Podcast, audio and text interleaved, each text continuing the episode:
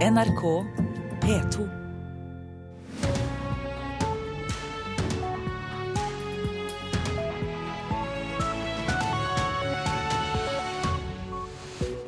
Her ønsker Øystein Heggen deg velkommen til Nyhetsmorgen. Vi skal analysere den siste statsministermålingen nærmere, der Erna Solberg skårer høyere enn Jonas Gahr Støre. Drammen kommune må granske mange hundre byggesaker på nytt etter korrupsjonssiktelsen mot en saksbehandler. Håndballherrene må vinne mot Hviterussland i kveld for å gå videre i EM.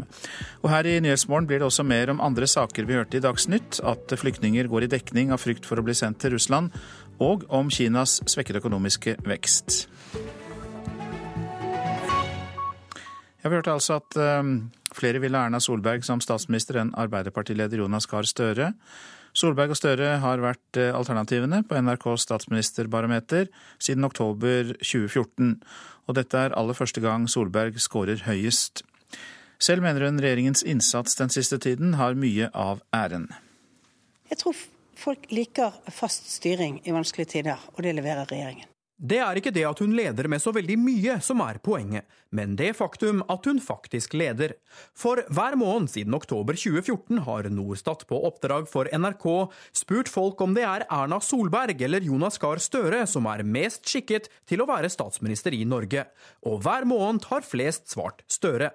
Helt fram til januar 2016, da altså et knapt flertall svarte Erna Solberg. Det er veldig hyggelig, og det viser jo det skiftet som har skjedd i den norske befolkningen, som vi ser på meningsmålingene for øvrig, eh, at man ønsker mer av den politikken regjeringen står for. Og de honorerer oss vel for at vi har styrt gjennom en vanskelig tid, og at vi leverer politiske resultater.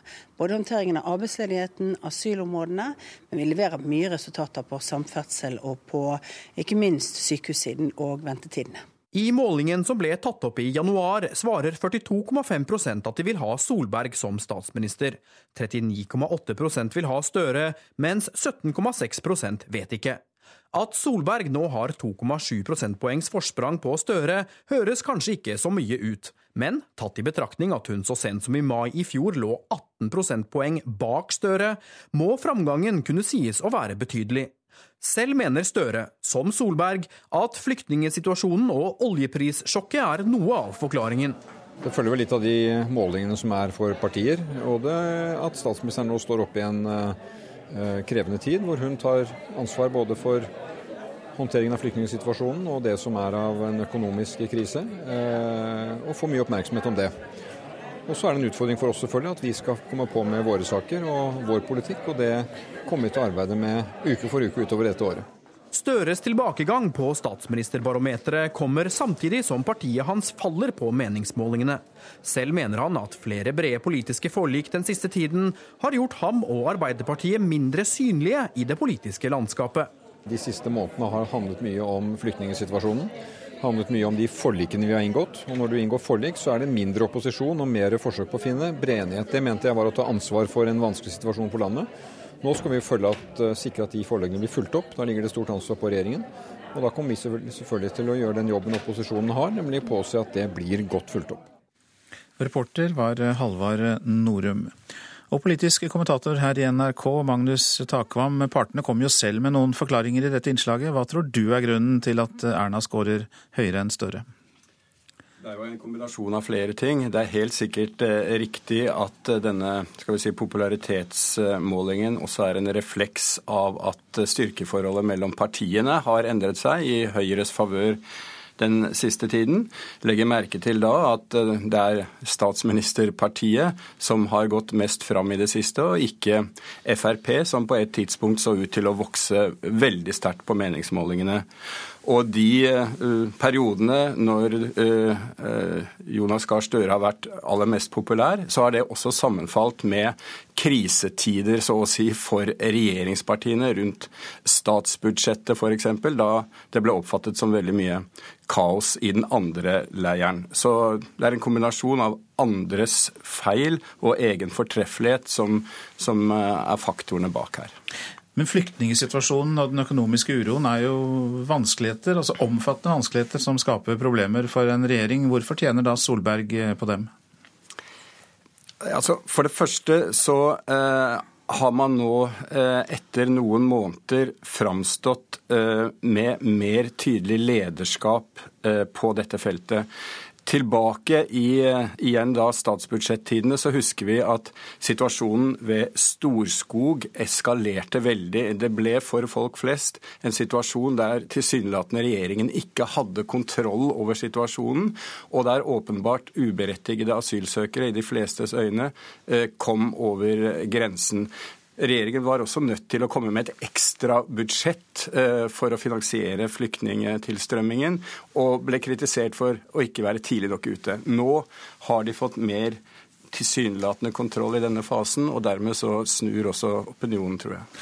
Og så har jo um, Arbeiderpartiets kritikk av regjeringen ofte tatt formen av for lite, for seint. Uh, har Arbeiderpartiet slitt med å synliggjøre egne alternativer? Det eh, føler jeg, og jeg uh, føler nok at uh, reaksjonene f.eks. på Sylvi Listhaugs innstrammingsforslag, 40 innstrammingsforslag, synliggjorde det. Da var etter min mening Arbeiderpartiet og Trond Giske, som var først ute, så ivrig etter å nøytralisere Frp at de nærmest kommuniserte at Arbeiderpartiet er enig med Frp i flyktning- og innvandringspolitikken. Eh, og da eh, binder man seg selv og får problemer i debatten senere med å kritisere nettopp eh, en del av de mest kontroversielle forslagene. Og Vi legger også merke til at Arbeiderpartiet nå får kritikk fra alle hold. Senest i går den nye nestlederen i SV, Snorre Valen, kommer med knallhard kritikk for det han kaller Arbeiderpartiets vingling. De er pysete osv. Så, videre. så Arbeiderpartiet blir kritisert fra alle kanter. Mange takk skal du ha, politisk kommentator i NRK Magnus Takvam. Og eh, Arbeiderpartiets Trond Giske, nettopp han møtes i Politisk eh, kvarter med Høyres Nikolai Astrup. Det er altså mm, klokka 8.45, og de skal diskutere om Arbeiderpartiets fall på målingene skyldes at partiet er utydelig eller ansvarlig.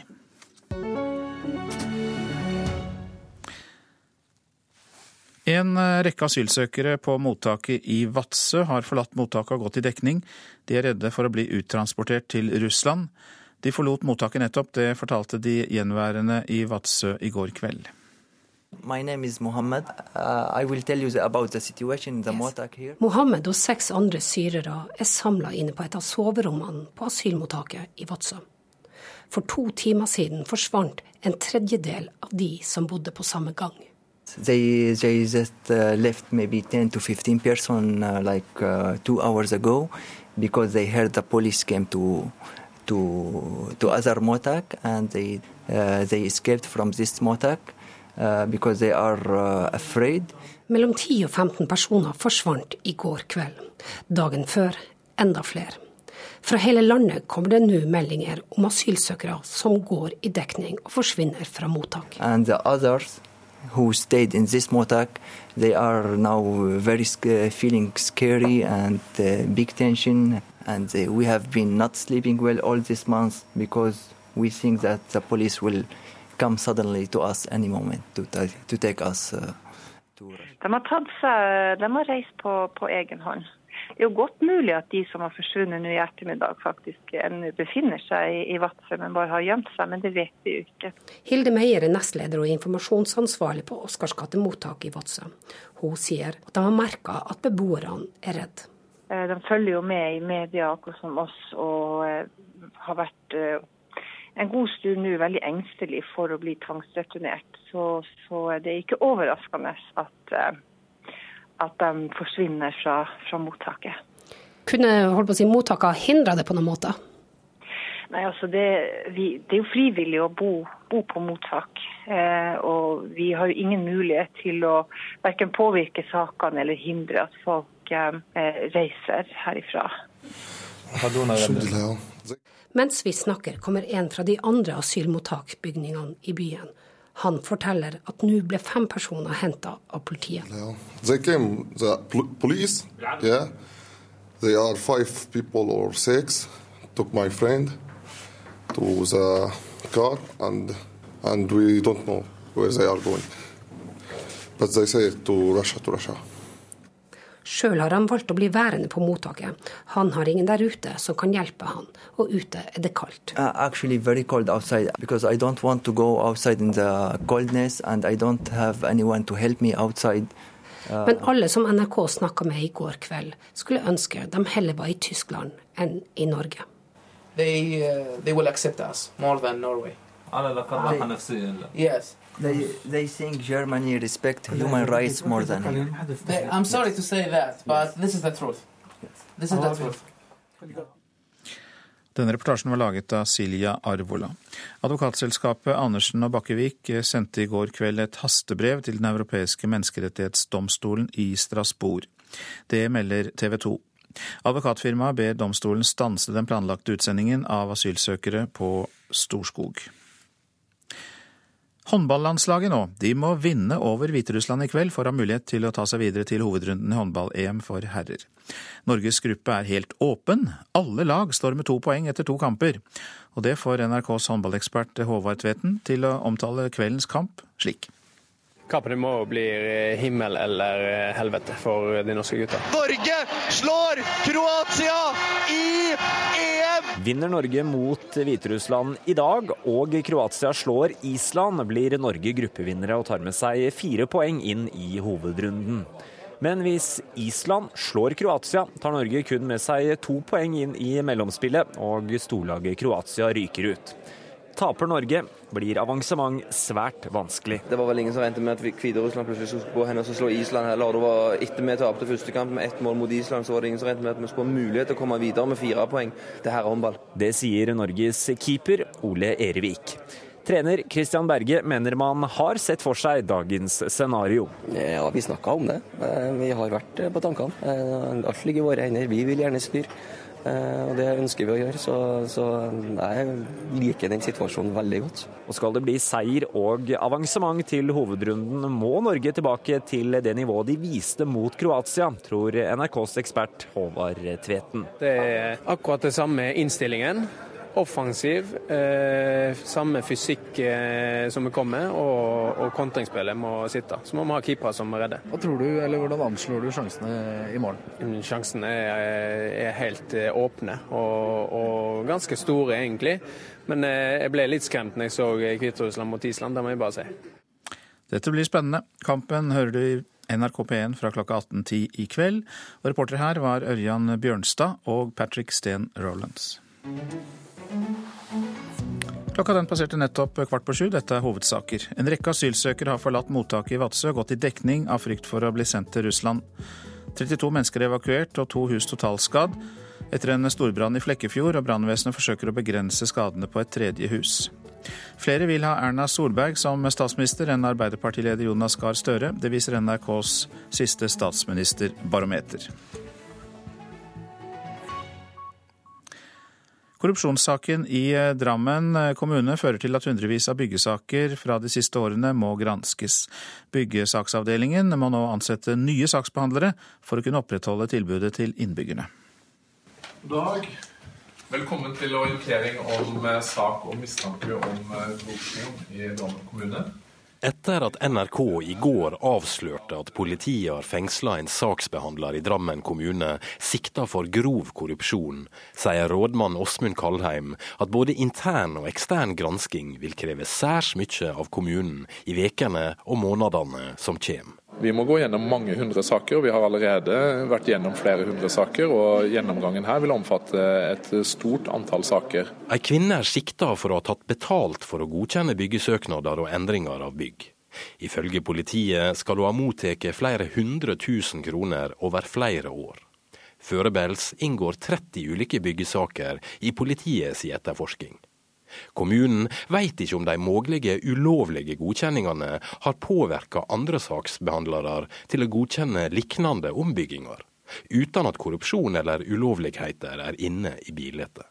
Rådmannen sier det òg er noe en må granske. Vi har flere angrepsvinkler. For det første så har vi en intern gjennomgang, hvor vi nå skal se på de sakene som det er avdekket avvik og regelbrudd ved. Det er såkalt ulovlighetsoppfølging. Det skal ikke lønne seg å drive med ulovligheter. Så her vil det komme en gjennomgang av sakene på nytt igjen. Er det eh, gjennomført eh, eller gitt tillatelser som ikke skulle vært gitt, så vil de bli trukket tilbake. Er det bygget noe som ikke skulle vært bygget, så vil det bli gitt pålegg om tilbakeføring, eventuelt riving. Eh, I tillegg så vil vi ha en ekstern granskning som ser på alt som er gjort, med uavhengige eksperters falkeblikk. Og vi vil jo da gjennom den granskningen få en tilbakemelding på om det har vært eh, andre svakheter i systemet, herunder om det har eh, vært overføringsverdi fra de tillatelsene som her har vært gitt. Så dere må altså potensielt gå gjennom et halvt tusen saker dere nå? Ja. Både rådmannen og ordføreren i Drammen, Tore Oppdal Hansen, sier det ikke skal stå på ressurser for å rydde opp i den store korrupsjonssaka. Og så gjelder det å få på plass eh, rutiner som vi er sikre på er gode for å forhindre at eh, den typen saker kan skje igjen. Reporter, det var Idar Edvin Krogstad. Så til det avisen har på sin dagsorden. Gutter og jenter får svømmetimer hver for seg på Huseby skole i Trondheim, kan vi lese i Adresseavisen. Mange er flaue over kroppen sin og vil ikke vise den for gutter, sier jenter avisa har snakket med. Dette er veldig trist, sier lege Kari Løvendal Mogstad. Hun kaller kjønnsdelingen i svømmehallen for en fallitterklæring for samfunnsutviklingen. Hysj! Det er noen skolers budskap til elever som varsler om mobbing, skriver Dagsavisen. En forskningsrapport fra skoler på Østlandet viser at skoler begrenser, kontrollerer og i noen tilfeller instruerer elever til ikke å bruke mobbeordet. Forskerne tror skolene gjør dette for å unngå merarbeid og stempel som mobbeskole. På to år er utgiftene til medisin nær doblet ved norske sykehus, er oppslaget i Bergens Tidende. Får vi ikke mer penger, så må vi si nei til de dyreste medisinene, sier sjefen for Helse Vest, Herlof Nilsen. Helseminister Bent Høie sier sykehusene må bli flinkere til å skifte ut dyre legemidler med billigere alternativer. Her er oljegründerne som jubler for lav oljepris og jakter på flere ansatte. Dagens Næringsliv skriver om Stavanger-selskapet Dwellup, som har flyttbare boreinnretninger, og som er billigere enn mer konvensjonelt utstyr. Nå øker selskapets omsetning fordi oljeselskapene vil kutte kostnader. Bare tre av ti sparer til pensjonen sin selv, får vi vite i VG. Økonomieksperter frykter at det vil oppstå et klasseskille mellom de som sparer til alderdommen, og de som ikke gjør det. Dagbladet lister opp ting i livet som rammes av oljekrisa. Det er ferie, bil, drivstoff, harryhandel og for noen også jobb og trygd. Norske selskaper snuser på Iran, skriver Aftenposten. Oppheving av sanksjoner åpner nye muligheter. USA førte verden bak lyset i Libya, det er oppslaget i Klassekampen. Tidligere utenriksminister Hillary Clintons e-poster viser ifølge avisa at planen var å styrte Muammar al-Gaddafi, ikke bare bombe Libya for å beskytte sivilbefolkningen. Det viktigste i livet er ikke å være korrekt, men å være et levende menneske. Det sitatet er fra Karsten Isaksen, som eh, vi finner på forsiden av Vårt Land. Avisa minnes forfatteren og presten som døde i går, 71 år gammel. I dag starter rettssaken mot 19-åringen som er tiltalt for uaktsomt bildrap etter en trafikkulykke i Hernes ved Elverum i fjor sommer. To jenter på 16-18 år og en gutt på 19 døde da bilen kolliderte med en elg før den havnet i et tre. Ulykken har satt sitt preg på den bilinteresserte venneflokken. Ja, det ligger på venstre side her oppe og gjør det. Der, ja. Du ser jo det er jo fortsatt uh tydelige spor etter ulykka. Espen Stenseth fra Hernes i Elverum kjører forbi stedet på rv. 25 der tre unge mennesker mistet livet i fjor sommer. Trafikkulykka skjedde i samme bygd som han er ifra.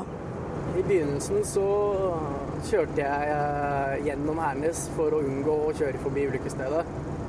Jeg tenker på det hver gang.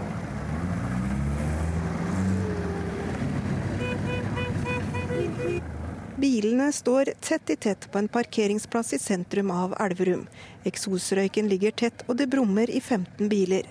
Her møtes rånemiljøet ofte på kveldene, sier Odd Helge Olsen. Ja, sånn som rånemiljøet her, det, vi er jo sammensveisa. Vi er nesten som en familie, alle sammen.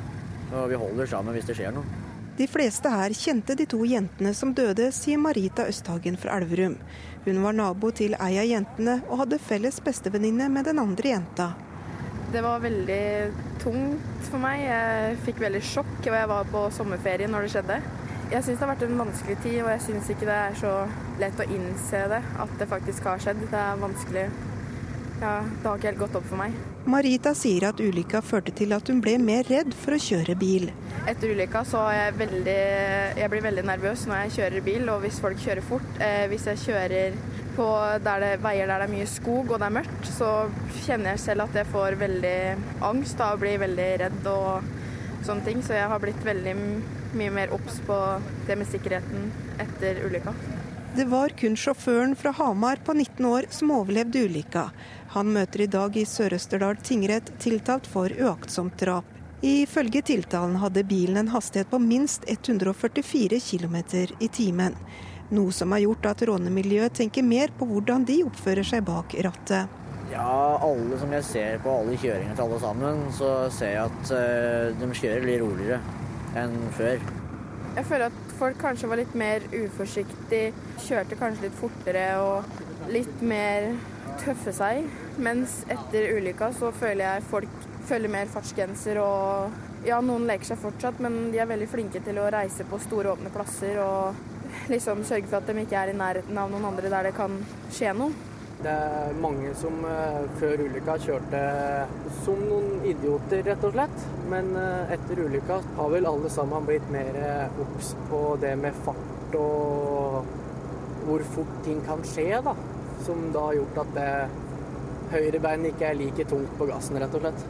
Og noen kilometer øst for Elverum sentrum, ved rv. 25, står tre trær som i lang tid vil minne de som kjører forbi, om at her omkom Oda Aurora Knappe Løkting på 18 år, 16 år gamle Eva Charlotte Pedersen Danielsen og Lars Erik Otnes på 19 år.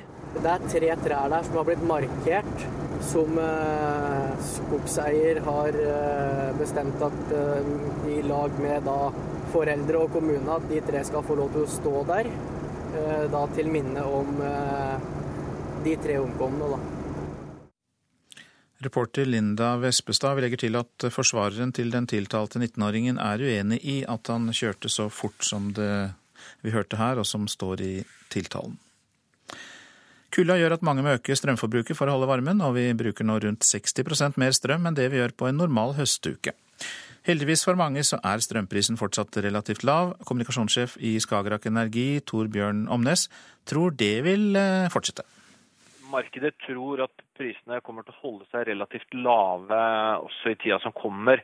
Men vi får unntak i enkelttimer og enkeltdøgn der det er eh, veldig kaldt. Da, da vil prisene stige. Det er ikke noe eh, folk flest merker direkte, da, fordi at man har gjerne strømpriser og tariffer som javnes litt utover tid. Og det er kaldt også for dyra. Ser du et dyr som åpenbart ikke har det bra ute i kulda, så ønsker Mattilsynet tips om det. Dyra skal nemlig tas inn ved behov, og alle dyreeier har plikt til å ha gode nok husrom for dyra sine. Tar du deg en tur ut, kan du bokstavelig talt høre kulda under sålene. Greit nok for oss som kan kle oss, men ikke nødvendigvis like greit for dyra. I verste fall kan det for dem bety forfrysninger og unødvendige lidelser. Problemet nå er jo når det er så kaldt, så vil de jo ha et økt varmetap. Og hvis det f.eks. kombineres kulde med vind, eller også nedbør, så er jo det noe av det verste dyra kan oppleve.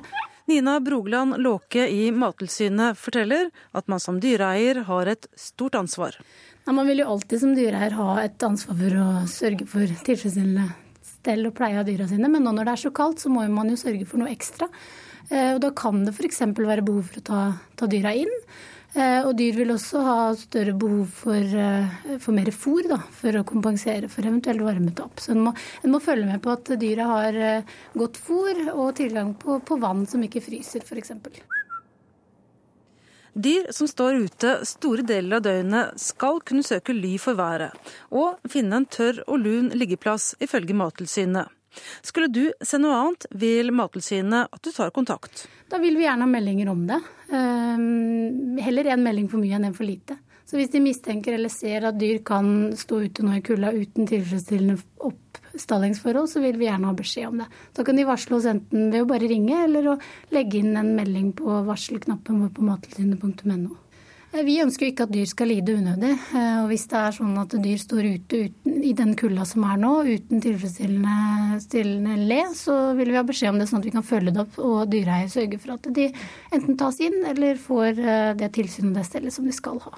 Ja, for den kulda her, den kan skade dyrene?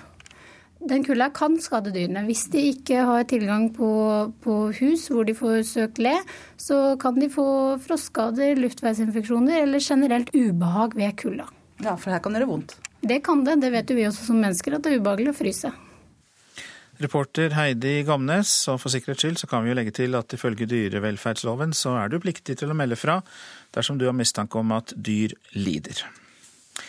Så skal vi ta hånd om været. Fjellet i Sør-Norge. I Langfjella blir det pent vær, men ellers noen snøbyger. Østlandet får også pent vær, men lokal frostrøyk nær åpent vann. Telemark og Agder pent vær, kort og godt. Vestlandet sør for Stad enkelte snøbyger i ytre strøk nord for Boknafjorden, enn ellers pent. Møre og Romsdal og Trøndelag nordvest periodevis liten kuling på kysten og snøbyger. Helgeland periodevis nordvestlig liten kuling på kysten, snøbyger og flest av de bygene blir de ytre strøk. Saltfjellet, Salten, Lofoten, Ofoten og Vesterålen spredte snøbyger. Fra i ettermiddag blir det pent vær. Troms kaldt og klart vær. Finnmark på kysten noen snøbyger, ellers skiftende bris og mye klart og kaldt vær, lokal frostrøyk. Og Nordensjøland på Spitsbergen liten sørøstlig kuling i vestlige deler, enkelte snøbyger. Fra ettermiddag delvis skyet oppholdsvær. Så tar vi temperaturene, og det er mye minus. Eh, Svalbard lufthavn minus 2, Kirkenes minus 23, Vardø 7, Alta 21, Tromsø 12, Bodø 8, Brønnøysund 3, Trondheim 4. Så kommer det null grader i Molde, og så fortsetter vi med minus. Bergen 7, Stavanger 3, Kristiansand 7, Gardermoen 16, Lillehammer 19, Røros 9 og Oslo-Blindern 13 minusgrader. Og Nyhetsmorgen fortsetter med disse sakene. Hva mener kommunenes organisasjon KS om aktivitetsplikt for de som mottar sosialhjelp, som vi nettopp hørte om i Dagsnytt? Porno, nakenkabareter og champagnefester skaper problemer for Sveriges største fagforbund. Raseri mot Donald Trump i underhusdebatt i London i går, men foreløpig ingen utestenging av den amerikanske presidentkandidaten fra Storbritannia. Flere kommer ut i jobb, og færre søker altså sosialhjelp når Nav stiller krav. Det viser en rapport eh, Proba samfunnsanalyse lanserer i dag. Rundt 70% av norske kommuner har nå en eller annen form for aktivitetsplikt. Sist ut med dette var eh, Hamar, der ikke alle var like fornøyde i starten. Jeg var veldig irritert når jeg kom hjem etter dagen. For det var på en måte så føltes som slavearbeid. Monica var ikke akkurat fornøyd da hun ble satt til å rydde ut av en leilighet. Men i dag ser den 35 år gamle sosialhjelpsmottakeren lyser på aktivitetsplikten. Målet er egen jobb, egen inntekt. Hva er banen for meg, hvilken retning vil jeg gå for å komme meg ut i en eh, vanlig jobb? Ingen fra Nav Hamar har tatt tak i det før. Ingen som har hatt møte med meg om sånne ting. Så det var veldig positivt. Da har det skjedd en endring. NRK møter Monica to dager før hun skal på et jobbintervju. Som ledd i aktivitetsplikten har Nav ordna en mulig praksisplass på et omsorgssenter. Vi trenger alle at det er bruk for oss. Og det gjelder òg de som mottar sosialstønad. Sier Nav-sjefen i Hamar, Roy Skau. I desember starta de så smått med aktivitetsplikt for sosialhjelpsmottakerne i kommunen. Så langt eh, av de ti første som vi har ført litt ekstra godt med på, der er det ni av ti er nå ute hos en arbeidsgiver. Dersom utviklinga fortsetter når ordninga utvides, regner kommunen med å spare rundt 10 millioner kroner, sier rådmann Bjørn Gudbjørgsrud. Vi ser at vi brukte mindre på sosialhjelp i desember i 2015 enn vi gjorde i 2014. Jeg er helt sikker på at det har med den praksisendringen og den kursendringen som vi har eh, starta med i Nav-kontoret på Hamar. En ny rapport Proba har laga på oppdrag fra kommuneorganisasjonen KS, viser at det skjer i de fleste kommunene som skjerper kravene. Utgiftene til sosialhjelp går ned. Men for Hamar-rådmannen, som inntil nylig var tjenestedirektør i Nav, er det fremste målet med aktivitetsplikten at flere fullfører skolen. Grunnplanken for å komme deg i det norske arbeidslivet er at du har fullført en videregående opplæring. Vi ser dessverre at veldig mange brukere i Nav-systemet, tre av fire under 30 år, har ikke gjort det. Og Da er det viktig at vi i veiledningen faktisk klarer å kommunisere det til den enkelte bruker. En tidligere studie fra Frisch-senteret har vist at det er nettopp det som skjer, forklarer forsker Simen Markussen. Økt krav til aktivitet gjør at flere unge velger å gjennomføre videregående, fremfor å søke om sosialstøtte. Vi ser at for unge mottakere, eller unge rettere sagt potensielle mottakere, så har dette ganske dramatiske effekter. Færre mottar sosialhjelp, og flere gjør ferdig videregående skole. For andre kan aktivitetsplikten føre til at de knytter viktige kontakter, og får fylt på det som kanskje er en hullete eller ikke-eksisterende CV. Nå har jeg tre måneder på å vise hva jeg kan. da. Sier 28 år gamle Kenny, som har fått seg praksisplass på flyktningkontoret i Hamar. Han syns det er bra at Stortinget har bestemt at alle kommuner på sikt skal innføre aktivitetsplikt overfor innbyggere på sosialhjelp. Hvis jeg ikke hadde vært på aktivitetsplikt, så måtte jeg være hjemme. Det er kjedelig. Så jeg synes det var veldig bra da vi hadde liksom noe å drive med. Reporter, det var Siv Sandvik. Direktør for interessepolitikk i KS, Helge Eide, god morgen til deg. God morgen. Her hører vi altså at aktivitetsplikt fører til at færre mottar sosialstøtte, og det må jo være gode nyheter for dere i kommunenes organisasjon? Absolutt. Eh, veldig mange kommuner har gode erfaringer med å ha aktivitetsplikt for eh, de sosialhjelpsmottakerne de mener det er riktig for. Hamar er på ingen måte første kommune som sier det. Det har vi mange gode eksempler på. Er det fint at Stortinget da har vedtatt at det på sikt skal gjelde alle kommuner? Eh, vi i KS er veldig for at kommunene har mulighet til å gjøre dette, når de kan, bruke sitt lokale skjønn og sin lokale kunnskap om hvem dette hjelper for. Dette lovpålegget som er vedtatt i Stortinget, tror vi ikke er noen god idé. fordi at Da blir det lokale skjønnet og den lokale fleksibiliteten erstattet frykter vi, med rigide regler, hvor da dreiningen i fokus går fra hvem dette passer for, til å oppfylle regler som Stortinget har satt. Det koster mer penger, og det mener vi er unødvendig, også når vi da ser at kommuner likevel bruker sitt skjønn nå til å eh, gjennomføre aktivitetsplikt. Ja, Du bruker begrepet skjønn. Hva er det som da spiller inn eh, i den vurderingen av om det skal være aktivitetsplikt eller ikke? Da vil eh, kommunene ut fra kunnskapen om den enkelte eh, bruker vurdere hvem er det som dette hjelper for. Typisk så vet vi at eh, det kan være unge sosialhjelpmottakere, personer under 30 år. Dette er veldig viktig å, å ha. Det kan være personer som har innvandrerbakgrunn, har svak erfaring med arbeidslivet og svak kontakt med arbeidslivet hvor dette kan hjelpe for. Og Da vil kommuner typisk eh, eh, sette i verk aktivitetsplikt for disse. Men så vet vi også at det er andre personer som i dag mottar sosialhjelp av andre grunner. Det kan være sykdom kombinert med at man ikke har hatt rettigheter i arbeidslivet som gjør at de ikke egner seg med aktivitetsplikt. Denne lokale kunnskapen bruker kommunene best mulig og på billigst mulig måte i dag til å iverksette aktivitetsplikt overfor de det har effekt for. Da er det veldig fornuftig. Men som sagt, med et et lovpålegg, så blir det med en gang spørsmålet om hvordan skal vi tilpasse oss reglene, hvordan skal vi sikre oss at de eh, reglene som gjelder nasjonalt, blir praktisert korrekt ute i, i kommunene. Da blir det et annet fokus, og da stiger også kostnadene. Ja, Loven er ikke iverksatt. Hva må skje før den skal iverksettes, da? Eh, ja, Det er jo derfor vi har fått bestilt denne rapporten fra Proba eh, samfunnsanalyse. Det er for å få eh, på bordet hvilke kostnader snakker vi om her, og, hvordan når da Stortinget vet at det, kan vi tross alt innrette dette lovforslaget mest mulig fornuftig, slik at vi unngår unødvendige kostnader for innbyggerne, for kommunen og for samfunnet. Takk skal du ha, Helge Eide. Du er direktør for interessepolitikk i KS. Nå om Sveriges største fagforbund, Kommunal, som opplever medlemsflukt. Grunnen er at forbundet har tapt flere hundre millioner kroner på virksomhet der eh, porno, nakenkabareter og champagnefester har stått sentralt. De siste dagene har 6000 medlemmer meldt seg ut av forbundet.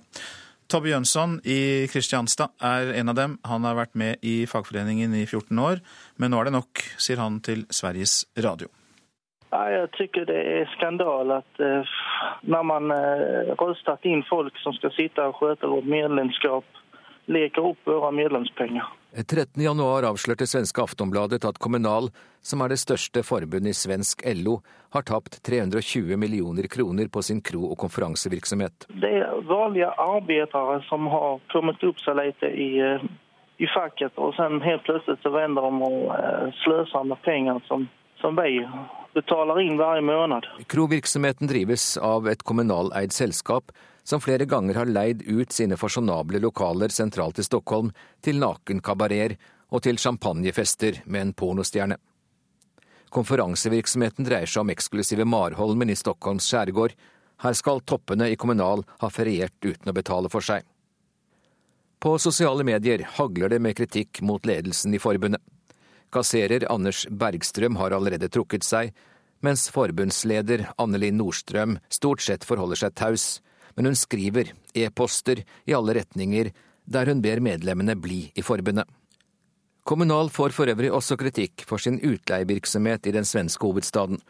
Det er blant annet avslørt at utenriksminister Margot Wallstrøm snek i boligkøen da hun fikk leie av Fagforbundet. Selv hevder hun at Kommunal forsikret om at hun ikke gikk foran andre i køen. Men nå dreier det seg altså først og fremst om hvordan medlemmenes penger er brukt, og de store tapene i kjølvannet av dette.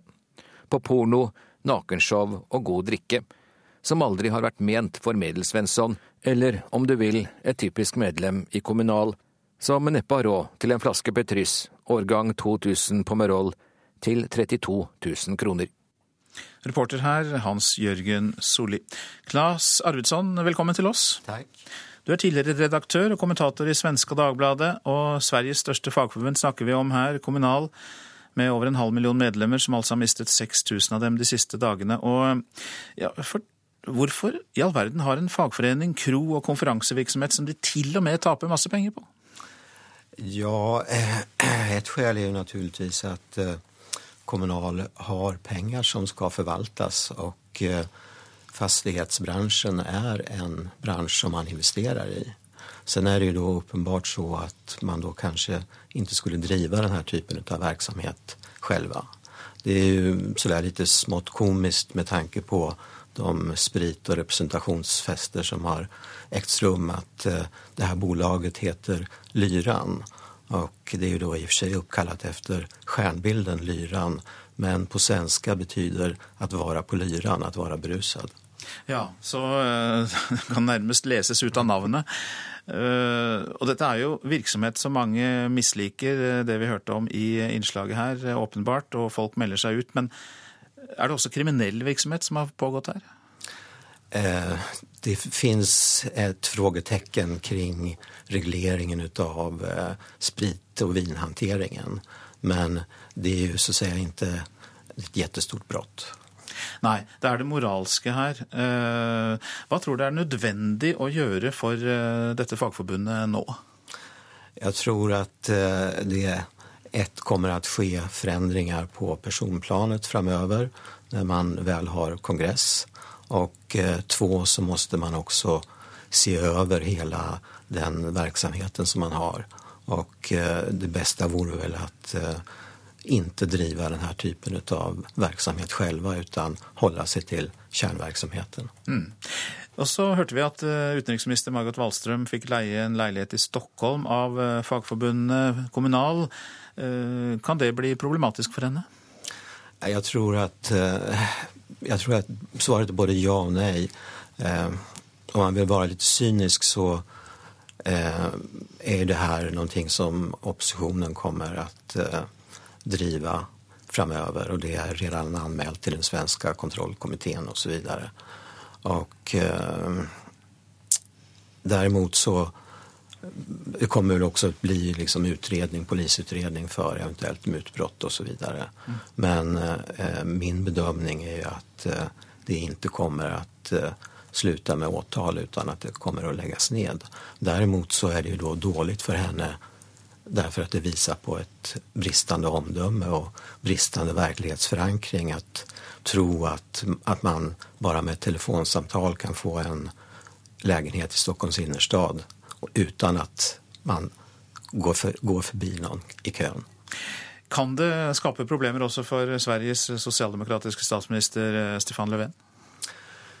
Man kan si så her at uh, Stefan Löfvens regjering er den som har lägst förtroende av alle regjeringer på 28 år.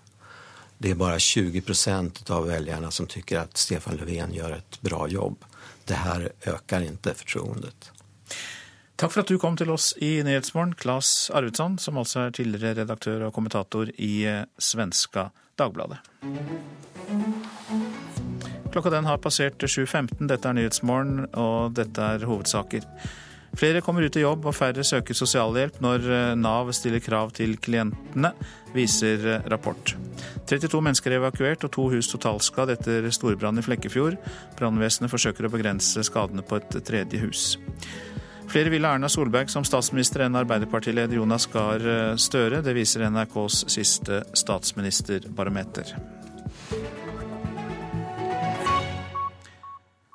Veksten i kinesisk økonomi er den laveste på 25 år. I fjor var veksten på 6,9% sammenlignet med 7,3% året før. Det blir sagt at når Kina nyser, blir verden forkjølet. Asia-korrespondent Peter Svaar, mange spør seg jo om nedgangen i veksten er i ferd med å bli den nye normalen, og hva skyldes den? Ja, Særlig er det overkapasitet i mye av kinesisk industri nå, blandet med svakere etterspørsel etter nye boliger her, som igjen påvirker markedet for eh, råvarer som betong og stål. Og så er det et næringsliv som tynges nå av veldig mye gjeld, som utgjør denne negative spiralen her i Kina. Men det som jo virkelig skjer her, er at myndighetene forsøker å reformere kinesisk økonomi. De prøver å bli kvitt rester av gammel og ulønnsom planøkonomi, gå vekk fra den tidligere måten måten å skape vekst på som i stor grad har lent seg på offentlige investeringer i veier og tog og infrastruktur, og få landet over til å bli en mer moderne serviceøkonomi. Eh, og så vet de at om veksten avtar for mye, så risikerer de sosial uro. Så de går en veldig vanskelig balansegang hvor de prøver å kutte noen av de gamle statseide ulønnsomme selskapene. Vet at det vil koste arbeidsplasser og vekst på kort sikt, samtidig som de nye servicenæringene i Kina fortsatt ikke er oppe og står og klare til å ta over som en motor i økonomien. Og hvem er det først og fremst som rammes av denne nedgangen? Ja, De som rammes hardest, er arbeiderne. og I de siste månedene har organisasjonen China Labour Bulletin registrert en stor økning i antallet arbeiderprotester og streiker rundt i hele Kina. Og Det skjer mens kullgruver legges ned i stor stil og stålverk avvikles. Det er hele byer og samfunn her som har lent seg på den type tung industri hvor eh, mange nå mister jobben. Så for de som eh, nå står uten jobb i særlig den tunge industrien her i Kina, så er dette veldig vanskelige tider nå. Og så er det de kritikerne som påstår at man antagelig ikke kan feste lit til de offisielle tallene Kina presenterer, altså at eh, frykten for nedgangen at den realiteten er verre enn det vi hører her. Eh, er det en begrunnet frykt? Ja, Det har jo sammenheng med at man også tidligere har sett at eh, Kina knar statistikken for å få den til å se best mulig ut. Og Det er jo meglerhus i Europa i dag som mener at Kinas vekst i realiteten nå er på rundt 2,5% og altså langt lavere enn det dagens offisielle statistikk sier. Og De bygger eh, sine beregninger på andre indikatorer som ser på hvor stort fallet har vært i importen av råvarer hit til Kina. Eh, og Enkelte av de tallene kan jo da tyde på en mye kraftigere økonomisk oppbremsing enn det de, de offisielle tallene i dag forteller. Mange takk skal du ha, Asia-korrespondent eh, Peter eh, Svår. Sør-Afrika nå, for det er grunn til å tro at landet fortsatt er langt fra det tidligere president og frigjøringslegende Nelson Mandela håpet på. Liv Tørres, velkommen. Takk, takk. Du har bodd i Sør-Afrika i mange år, du har doktorgrad om landets fagforeninger, og du er direktør nå ved Nobels fredssenter. Mm. Og vi hører jo hyppigere og hyppigere rapporter om uro i Sør-Afrika, store sosiale forskjeller, politisk korrupsjon. Hvordan vil det ende? Ja, Det er vanskelig å si, men det har kokt lenge. Altså, nå blinker jo alle varsellampene. Eh, sosial uro sprer seg, som du sa. I tillegg så har de jo omfattende økonomiske problemer. Vi har i Sør-Afrika i dag en arbeidsledighet på rundt 40 Eh, og halvparten cirka av befolkningen lever på fattigdomsgrensen. Og det er klart, dette er jo liksom bakteppet nå for at mange og stadig flere etter hvert eh, har startet en mobilisering. Sosial uro, demonstrasjoner, eh, kampanjer eh, hvor de krever Zomas, eh, president Zumas avgang osv. Hvilke andre politiske krefter kan eventuelt eh, ta over for Zuma, og til og med kanskje også da African National Congress, ANC?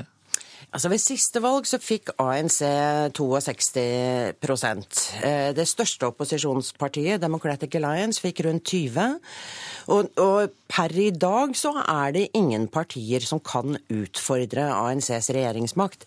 Det har sammenheng med at eh, folk har lojalitet Den svarte gruppen spesielt i Sør-Afrika har eh, lojalitet til frigjøringsbevegelsen ANC og deres alliansepartnere, som på en måte var de som, som felte apartheidregimet. Og så ser de ikke at de har noen alternativer. Nå er Sør-Afrika på vei inn i kommunevalg og valgkamp. Og det er klart, i den settingen du har i Sør-Afrika i 2016, så, så, så ser vi jo at ANCs støtte spesielt blant ungdom er i ferd med å i hvert fall reduseres kraftig. Kan vi si at et av de største problemene er presidenten, Jakob Zuma?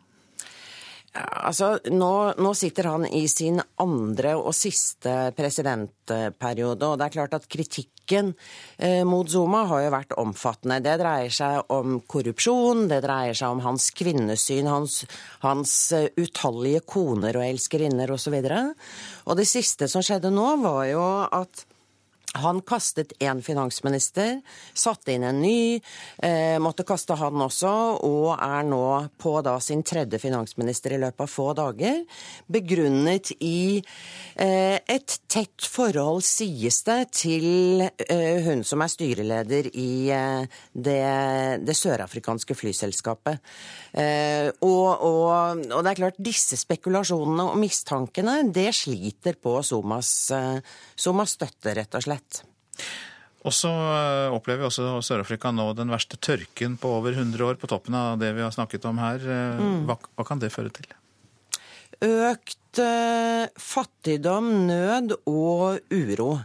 Igjen samme forholdene som har ligget der lenge, men som nå forsterkes. Og det er jo ingen tvil om at den sosiale uroen som har økt de siste årene, sliter både på Sør-Afrikas altså politiske system, støtten, for, støtten til Zuma og regimet, og etter hvert også på på økonomien, rett og slett. Sosiale uroen, volden knyttet til streikebølgene osv. i Sør-Afrika gjør at det er vanskeligere å tiltrekke seg investeringer og også få økonomien på, på riktig spor. Helt til slutt et personlig spørsmål, Liv Tørres. Du har bodd der, du kjenner folk der, du har skrevet doktorgrad om Sør-Afrika. Mm. Er du skuffet over den utviklingen? Ja, jeg har jo perioder hvor jeg har vært både dypt skuffet og ikke minst veldig bekymret for hvor, eh, hvor, dette skal gå, og er veldig opptatt av at sivilsamfunnet nå skal organisere seg på demokratisk vis igjen. Og, og, og lede Sør-Afrika i riktig retning, som de har gjort før. Det betyr da sterke organisasjoner, demokratiske i spissen. Dette har de gjort før og vil klare igjen, så det er et lite håp i, i enden av tunnelen her òg. Optimisme til slutt fra deg. Mm. Takk skal du ha, Liv Tørres, eh, som altså nå er direktør ved Nobels fredssenter og Sør-Afrika-kjenner. Takk.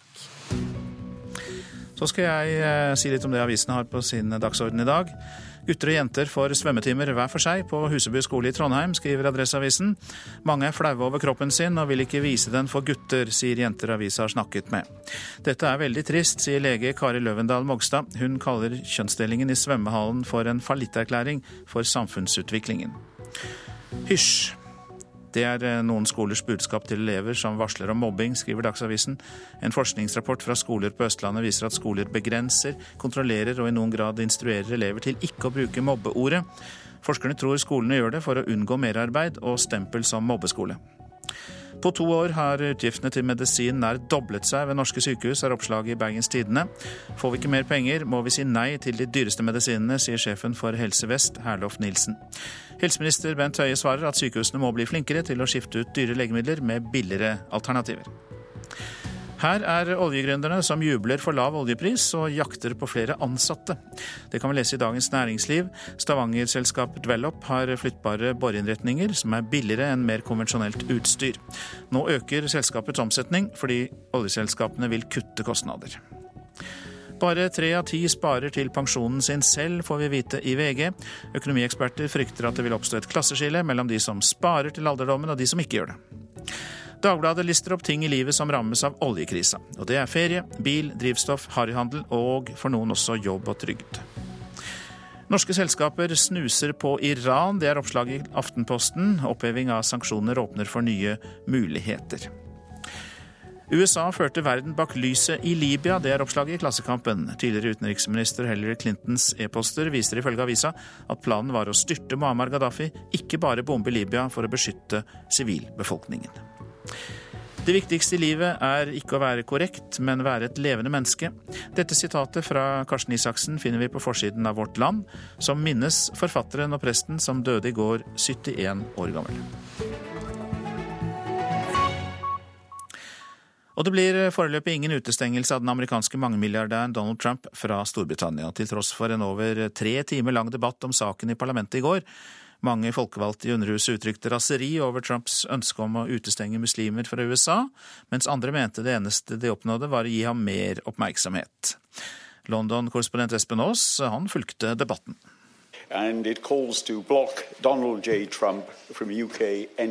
Langt unna forpostfektningene til den amerikanske presidentvalgkampen var 50 folkevalgte stappet inn i en litt for liten sal i det britiske parlamentet for å diskutere om Donald J. Trump burde utestenges fra Storbritannia, slik han selv vil utestenge alle muslimer fra USA. His words are not comical. His words are not funny. His words are poisonous. It's not only uh, racist, but he is homophobic and misogynistic as well. Hans ord er gift, sa en. Han er ikke bare rasist, han er også homofob, mente en annen. Og han snakker om min familie, sa en tredje. He's talking about my family. Men selv ordstyreren i saken, Labours Paul Flynn, trodde ikke utestengelse var svaret. Det ville bare gjøre Trump til martyr. We give him the role of martyrdom which can seem to be an advantage among those that support him.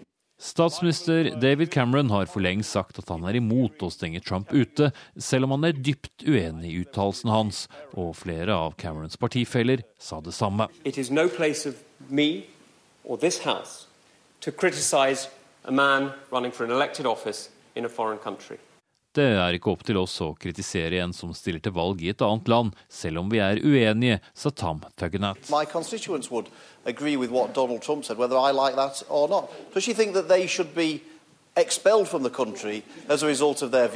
Flere i min valgkrets har samme meninger som Trump. Skal de da vises ut av landet, spurte Philip Davis retorisk. This ridiculous individual, uh, that is Mr. Trump, uh, may be elected Og selv om nærmest samtlige av debattantene viste avsky for Trumps argumenter på en eller annen måte, var de fleste også mot å nekte mannen innreise da de tre timene med debatt var over. As many as are that opinion say aye. To the contrary, no. I think the eyes have it, the eyes have it. Order, order. Uansett ville det være opp til landets innenriksdepartement å ta den endelige avgjørelsen. Derimot var det flere som gjerne ville vise Trump Storbritannia det Storbritannia som han mener er i ferd med å bli ødelagt av ekstreme muslimer. De ville vise ham at det ikke var tilfellet, ja, noen ville også driste seg til å be ham ut for å spise en skikkelig currymiddag. Espen Aas, London.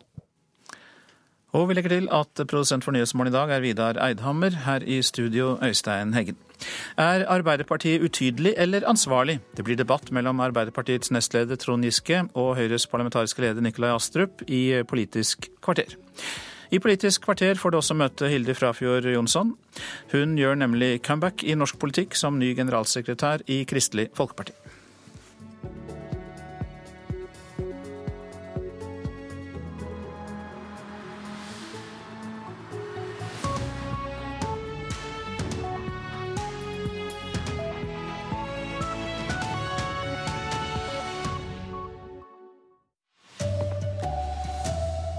Færre mottar sosialhjelp når Nav skjerper kravene til aktivitet for mottakerne, viser rapport. Erna Solberg er populær. Flere vil ha henne som statsminister enn Jonas Gahr Støre. Og asylsøkere i Vadsø har gått i dekning. De er redde for å bli tvangssendt til Russland. Her er NRK Dagsnytt klokka 7.30 ved Anne Jetlund Hansen. Flere kommer ut i jobb, og færre søker sosialhjelp når Nav stiller krav. Det viser en rapport Proba samfunnsanalyse har laget på oppdrag fra kommunenes organisasjon KS. Stortinget har vedtatt obligatorisk aktivitetsplikt i alle kommuner, men loven er ennå ikke iverksatt. Og i mellomtiden så sørger stadig flere kommuner for å skjerpe kravene på egen hånd. Hva vil du, hva har du gjort?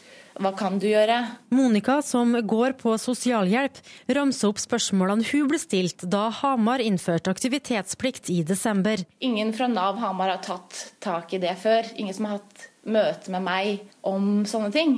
Så det var veldig positivt. Da har det skjedd en endring. I en undersøkelse KS legger frem i dag, svarer hele 70% av Nav-lederne at de stiller en eller annen form for krav til dem som mottar sosialhjelp. Samtidig sier to av tre av dem at de gjerne skulle gjort det enda mer. Mangel på tiltaksplasser eller få ressurser på Nav-kontoret trekkes fram som forklaringa på at det ikke skjer. Man må jo ha et tilbud, man må gi tettere oppfølging. Det enkleste og billigste på kort sikt vil ofte være bare betale ut ytelser. Det er en løsning Simen Markussen ved Frischsenteret advarer mot. I fjor høst presenterte han og kollegaene forskning som etterlot liten tvil om at aktivitetsplikt, det lønner seg på sikt. Færre mottar sosialhjelp, og flere gjør ferdig videregående skole. Og i Hamar ser de allerede gode resultater, ifølge rådmann Bjørn Gudbjørgsrud. Vi brukte mindre på sosialhjelp i desember i 2015 enn vi gjorde i 2014. Jeg er helt sikker på at det har med den praksisendringen og den kursendringen som vi har starta med i Nav-kontoret på Hamar. Reporter her var Siv Sandvik. Direktør for interessepolitikk i kommunenes organisasjon KS, Helge Eide. Det er altså gode resultater fra Hamar, hører vi, men dere er kritiske til en lovfestet aktivitetsplikt. Hvorfor det? Eh, fordi at Vi ser jo at uh, i 70% av kommunene ifølge den undersøkelsen, hvor over 80% av befolkningen bor, der er det allerede gjennomført uh, aktivitetsplikt uten lovfestet rett i det hele tatt. Fordi at kommunene bruker sitt skjønn og sitt, sin beste kunnskap om de enkelte brukerne til å innføre aktivitetsplikt der de ser at det har en effekt. Det koster ingen verdens ting for staten å gjøre det. Men i øyeblikket det blir lovfestet rett, så må kommunene stille seg spørsmål om hvordan skal vi gjennomføre dette her. hvordan skal vi passe på at vi har har rutiner som tilfredsstiller loven osv., så, videre, så det blir mer administrative kostnader. Eh, og Vi mener jo at denne effekten, den positive effekten det kan man altså få uten kostnader ved å la være å innføre lovfestet rett, og stole på kommunenes beste skjønn, som jo vi ser fungerer veldig godt, og som da ja, altså Som sagt, eh, over 80% av befolkningen bor i kommuner som, eh, som, har dette. Så det er et unødvendig forslag. Men når noe en gang er vedtatt, så er vi opptatt av at det må gjennomføres på en fornuftig måte, med lavest mulig mulig nettokostnader for samfunnet og med størst mulig effekt. Og Det er derfor vi har bestilt denne rapporten, for å få det best mulige beslutningsgrunnlag til å gjennomføre Stortingets vedtak på en god måte. Helge Eide, takk for at du var med her i Dagsnytt. Flere vil heller ha Erna Solberg som statsminister enn Jonas Gahr Støre. Det viser NRKs statsministerbarometer for januar. Dette er første gang Solberg er mer populær enn Støre på denne målingen.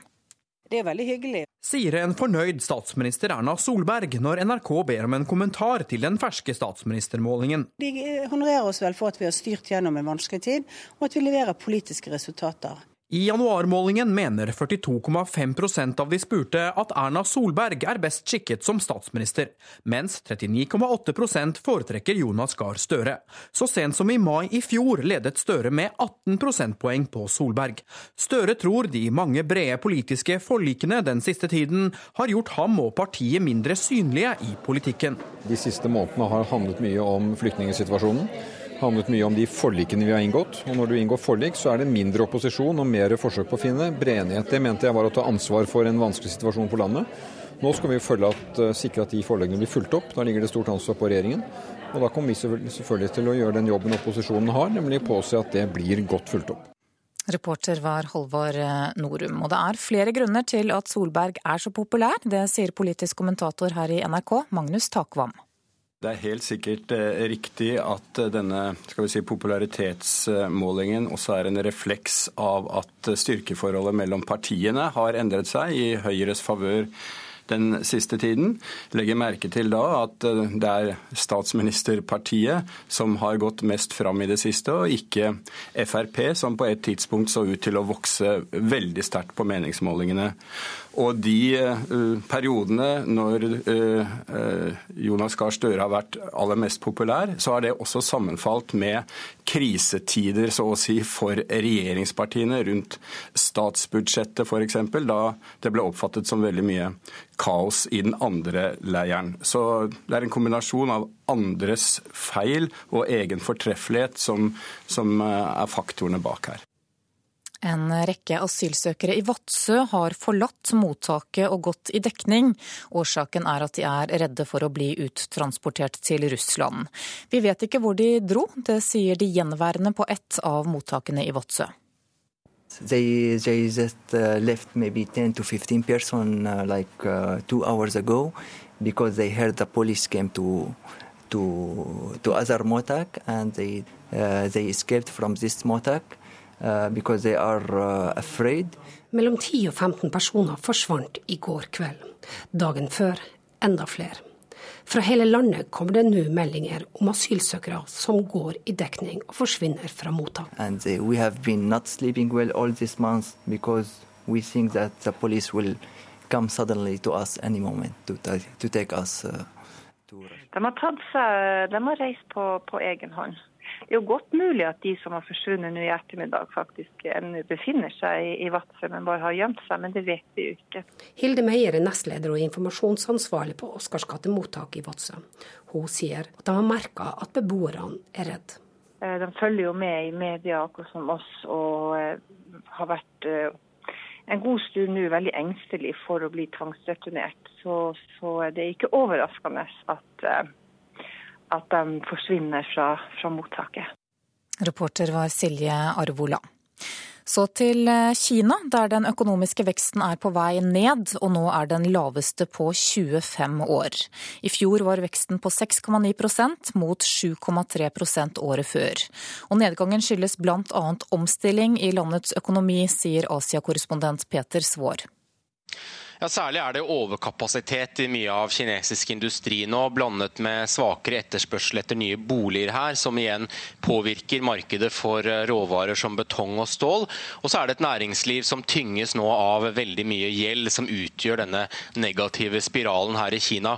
Men det som jo virkelig skjer her, er at myndighetene forsøker å reformere kinesisk økonomi. De prøver å bli kvitt rester av gammel og ulønnsom planøkonomi, gå vekk fra den tidligere måten måten å skape vekst på som i stor grad har lent seg på offentlige investeringer i veier og tog og infrastruktur, og få landet over til å bli en mer moderne serviceøkonomi. Eh, og så vet de at om veksten avtar for mye, så risikerer de sosial uro. Så de går en veldig vanskelig balansegang hvor de prøver å kutte noen av de gamle statseide ulønnsomme selskapene. Vet at det vil koste arbeidsplasser og vekst på kort sikt, samtidig som de nye servicenæringene i Kina fortsatt ikke er oppe og står og klare til å ta over som en motor i økonomien.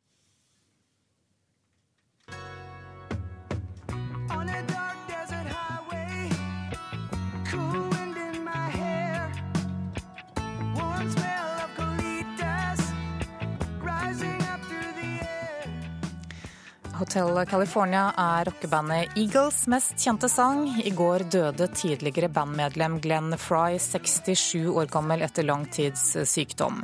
Fry var med på å grunnlegge rockebandet i 1971 og var med som gitarist og vokalist. Han nøt også en vellykket solokarriere på 80-tallet og skrev bl.a. The Heat Is On fra filmen Beverly Hills Cop, i tillegg til at han var med på å skrive Eagles-klassikere som Desperado og nevnte Hotel California. Welcome.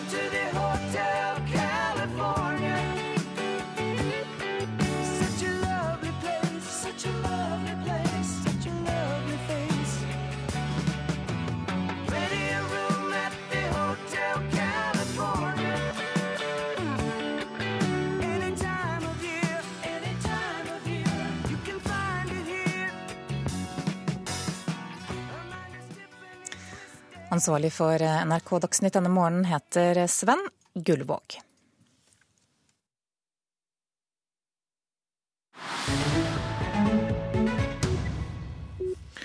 Nyhetsmorgen skal vende blikket mot Burundi. Ifølge FN blinker alle varsellamper rødt for dette sentralafrikanske landet. Sikkerhetsoffiserer har voldtatt kvinner under husransakinger. Nærmere 500 mennesker er drept. 200 000 har flyktet det siste året. Nå er det også funnet massegraver. Og det minner burundiere om folkemordet i nabolandet Rwanda. Og nettopp der har Afrikakorrespondent Sverre Tom Radøy møtt en som mistet hele sin familie. So if you take 1 million divided by 90, it will be around 11 million. Is it 11, 11,000 or something like that? Jean-Pierre studerte regnskapsføring, men roter til regnestykket. And if you try to take 11, I mean 11 million divided by En av de han teller, kan være broren, en annen søsteren. 11 divided by 60. Han står ved massegraven og skal dele antall drepte på antall dager. Regnestykket går ikke opp, men fasiten er ifølge minnesmerket for folkemordet én million drepte på 90 dager. Det blir 11 000 om dagen, 426 i timen, nesten åtte mennesker slaktet ned i minuttet i landet som ikke er større enn Hedmark fylke. I had parents. I can't forget that. I had brothers and sisters. I can't forget anything. Yeah, it's, it's, it's not, it, you can't. How? Jean-Pierre tar av seg de sotete brillene og gnir seg i øynene. Han er 50 år, det tette håret gråner. Han peker på skiltet 'Ikke trå eller sitt på massegraven'. Resten av 250 000 mennesker bare her, under betonglokket. Nå er han bekymret for nabolandet Burundi. Inne i minnesenteret ligger hodeskaller og knokler utstilt i glassmontre ved siden av klærne de hadde på seg. Og fotografier hentet ut fra familiealbum. En far ler med datteren på skuldrene. Døde alle sammen. Drept med macheter og hjemmelagde klubber. Folkemord. Uh, your parents were shot? No, no. They were killed by machete. Jean-Pierre vet hva som skjedde med moren. Faren fant han levningene av for ti år siden. Tre brødre og to søstre vet han også hvor ligger. Nå leter han etter svar på hva som skjedde med de to siste, med lillebroren. No one can tell me, which is very difficult. Yeah. Inne i minnesenteret er det bilder av barn. Store bilder av smilende fem-, seks- og sjuåringer. Glade barn. Men teksten er nøktern. Yvonne, åtte år, favorittmat, chips, drikke, te med melk, pappas jente. Dødsårsak hakket i hjel med machete i bestemors hus. Det samme skjer i Burundi i dag, det som skjedde rett før blodbadet begynte her i Rwanda, sier Jean-Pierre, og er ikke overrasket over FN-rapporten om gjengvoldtekter og funnet av massegraver i nabolandet. Killers was using raping as another weapon. Try to, give, to put heads raping women. And I think it's the same thing in Burundi. Jean-Pierre ber om at verden skal bry seg mer denne gang enn da han selv mistet mor, far og sju søsken. What I ask to the international community is to intervene, to intervene now, not tomorrow, now, now, today. Because even in Rwanda, the problem was they was keeping, keep talking and talking and talking up to one million was, was killed. If you, you hear what's going on in Burundi, it's very possible that genocide can happen very easily.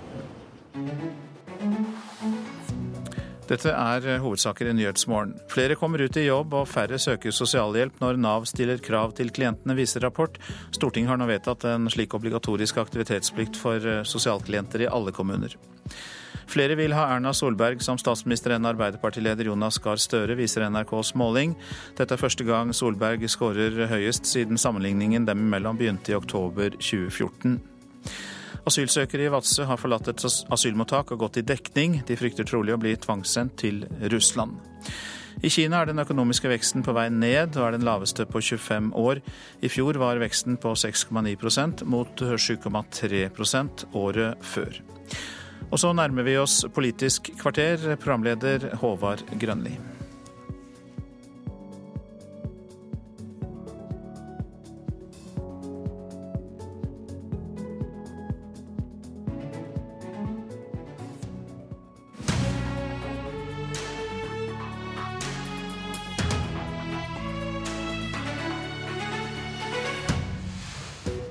Arbeiderpartiet og Støre faller på målingene.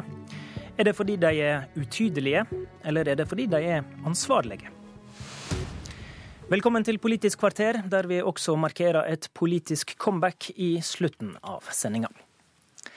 I dag har vi hørt at eh, Erna Solberg har passert Jonas Gahr Støre som velgerne sin foretrukne statsministerkandidat. Akkurat som da Ap gjorde det dårlig på forrige partimåling her i NRK, så forklarer Ap-lederen dette med, de mange, med, at de mange forlika Ap har gått med på, gjør partiet mindre synlig. Men du, Nikolai Astrup, parlamentarisk nestleder i Høyre, mener at Ap bortforklarer velgerflukta og ber om breie forlik i mangel av eh, egen politikk. Hva bygger du det på? Siden 2013 så har Arbeiderpartiet bedt om eh, hele ti eh, forlik. Så det er ikke bare det at de har vært med på to forlik nå, men de har altså bedt om ti forlik. Men de har ikke fremmet noen politiske løsninger innenfor de områdene hvor de har bedt om forlik. Og Da er det nærliggende å tolke dette som et, en mangel på egen politikk.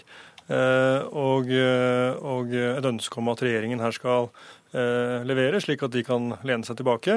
Det gjør vi selvfølgelig gjerne. Og vi syns jo det er positivt også at Arbeiderpartiet ønsker å inngå forlik eh, der det er hensiktsmessig. Det er bra. Men samtidig så mener jeg jo at det er viktig at eh, både vi og velgerne får svar på hvordan Arbeiderpartiet har tenkt å løse de store utfordringene vi står overfor nå. Regjeringen har vist lederskap på veldig mange store og viktige saker i høst. Både når det gjelder migrasjon, når det gjelder ledighet, når det gjelder klima. Vi har også gjort mye for å løse de hverdagsutfordringene vi lovet å løse da vi kom til makten i 2013.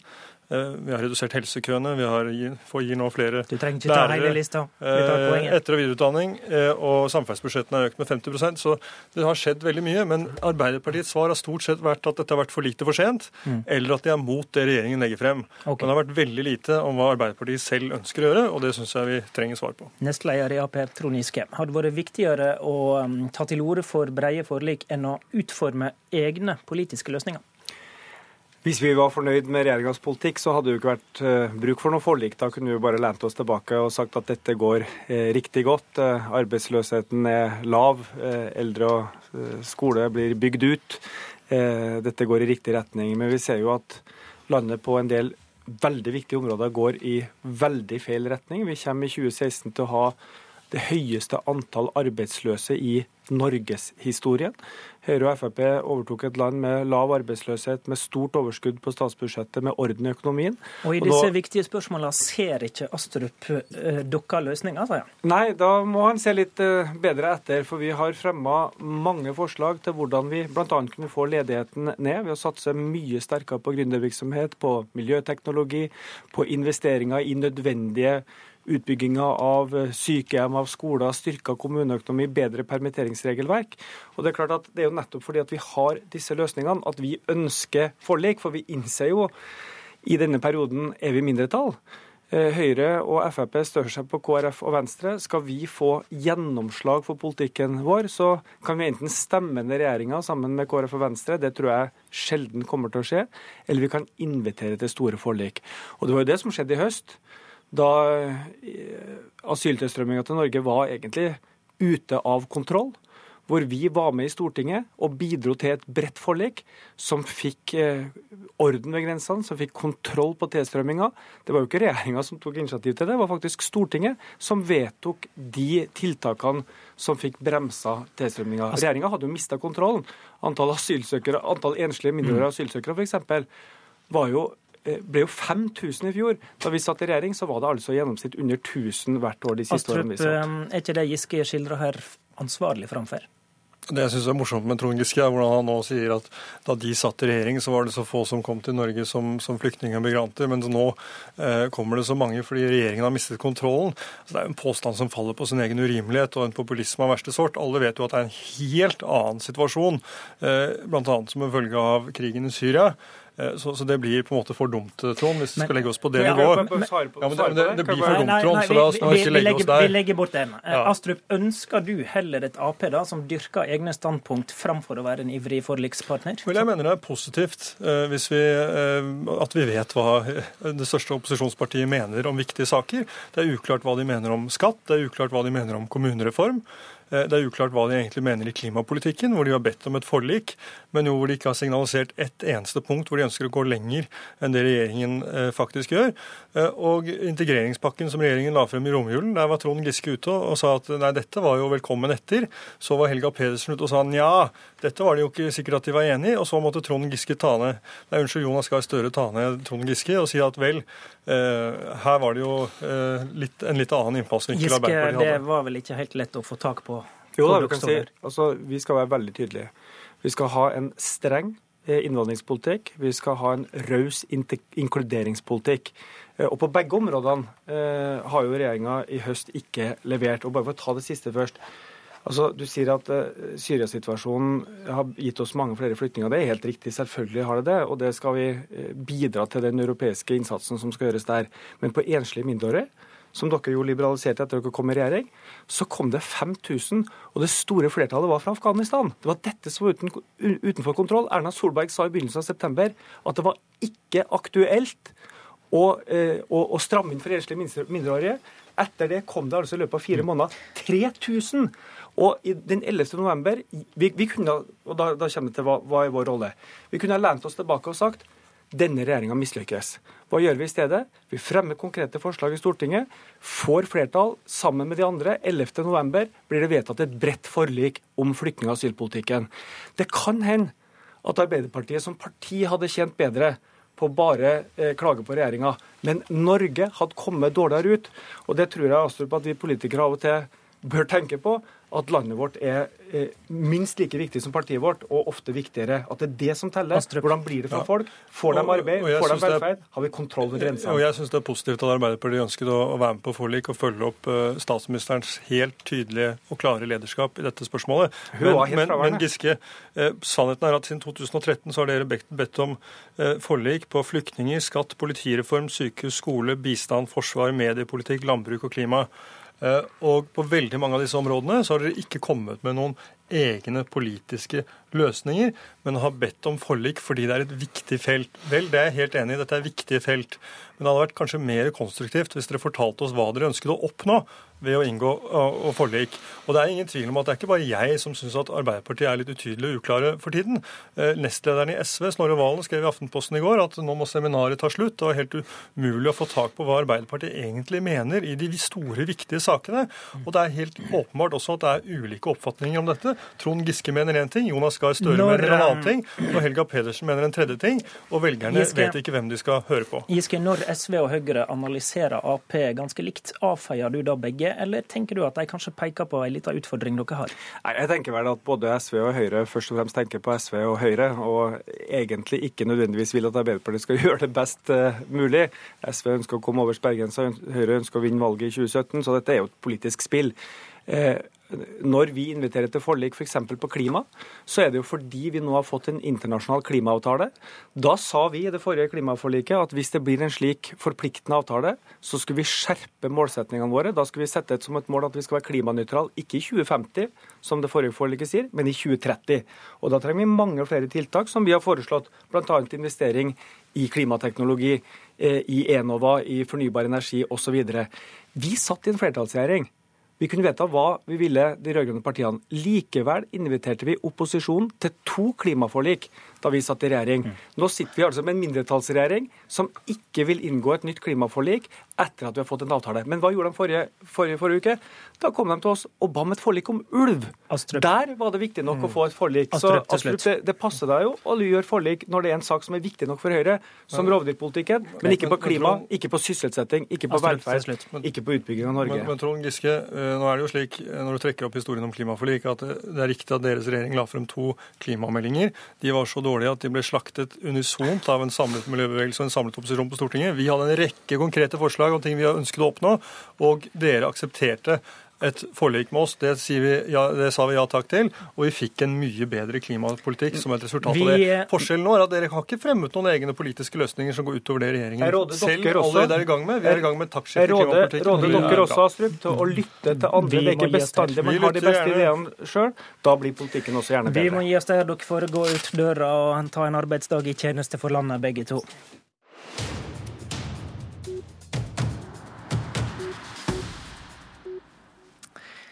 For nå eh, skal det dreie seg om et eh, politisk comeback. Velkommen tilbake til Politisk kvarter, Hilde Frafjord Jonsson. Takk skal du ha. Husker du når du var her sist? Å ja, det er ikke så lenge siden. For jeg har vært her på FN og Sudan og generalsekretær og masse sånne spørsmål før. Likevel er dette et politisk comeback, for du har fått jobben som generalsekretær i KrF. Eh, nå møter du Giske og Astrup i døra. Hvem av de to bør KrF ha det beste forholdet til i 2017? KrF skal ha et godt forhold eh, til begge sider i norsk politikk, eh, men eh, den løypa som gjelder samarbeid utover det, den skal gås opp i partiet og der er det lagt et løp fra før, fra partiledelsens side. Og i den sammenheng så er generalsekretæren sekretær og ikke general. Dette er det ikke jeg som bestemmer, dette er det partiet, organisasjonen og medlemmene som bestemmer. Men det er bl.a. dette du skal jobbe med? Strategien. Selvfølgelig. Strategi, strategi er kjempeviktig. I, eh, som medlem av partiledelsen har generalsekretæren selvfølgelig en viktig jobb eh, i den sammenheng. Mm. Så jeg vil jo selvfølgelig delta i de diskusjonene internt. Det er jo ulike partikulturer knytta til en sånn stilling. Alt fra Håkon Lies eh, sentrale politiske leding til generalsekretærer som publikum ikke aner navnet på. Um, du var jo statsråd i seks og et halvt år for KrF. Hvor politisk viktig ønsker du å gjøre den rolla, da? Jeg er opptatt av at eh, partiledelsen og ikke minst Knut Arild Hareide skal styre litt hvilken rolle generalsekretæren skal spille i KrF, eh, og da hvilken rolle jeg nå skal spille. Eh, det har vært litt ulike tradisjoner i KrF. Det har vært en veldig sterk organisatorisk funksjon, men det har også vært en veldig viktig strategisk funksjon. Hvorvidt det også skal ha en litt mer politisk funksjon, det, det må vi finne ut av etter hvert. Jeg tiltrer den 16. mars. og i mellomtiden så skal vi ha gode diskusjoner om dette. Eh, det som er det viktigste for meg, er nok den organisatoriske og den strategiske delen. I samband med stortingsvalget i 2013 så var du en av sentrale KrF-medlemmer som signerte et brev til partileder Hareide, der dere advarer mot regjeringssamarbeid med Frp. Hvordan vil den holdninga prege din innstilling til strategiarbeidet nå, da? Dette er jo eh, et synspunkt som jeg har stått for før. Det er ikke noe nytt for eh, verken KrFs eh, ledelse eller medlemmer, men det er et personlig synspunkt. Og det er klart at i en stilling som generalsekretær, så vil jeg være helt lojal til den prosessen som partiet nå går inn i. Men det er vel vanskelig å tolke det som et steg mot Høyre å velge deg til denne rolla? Jeg tror ikke det ligger et politisk styringssignal på noen som helst måte i dette.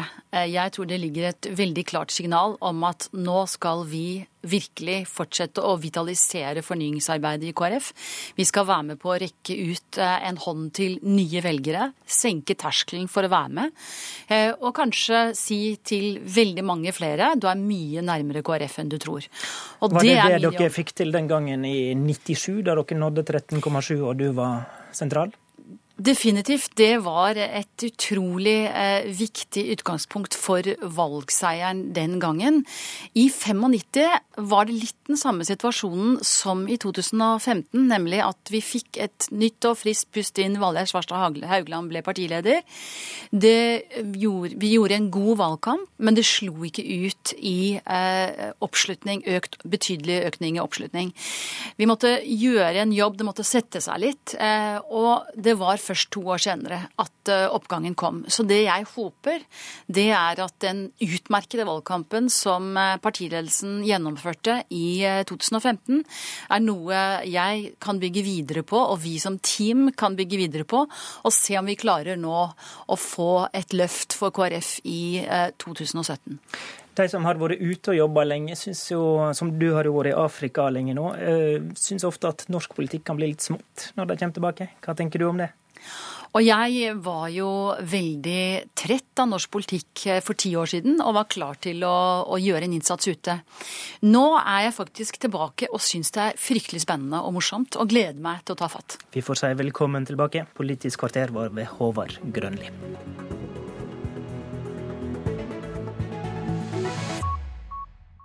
Hør flere podkaster på nrk.no podkast.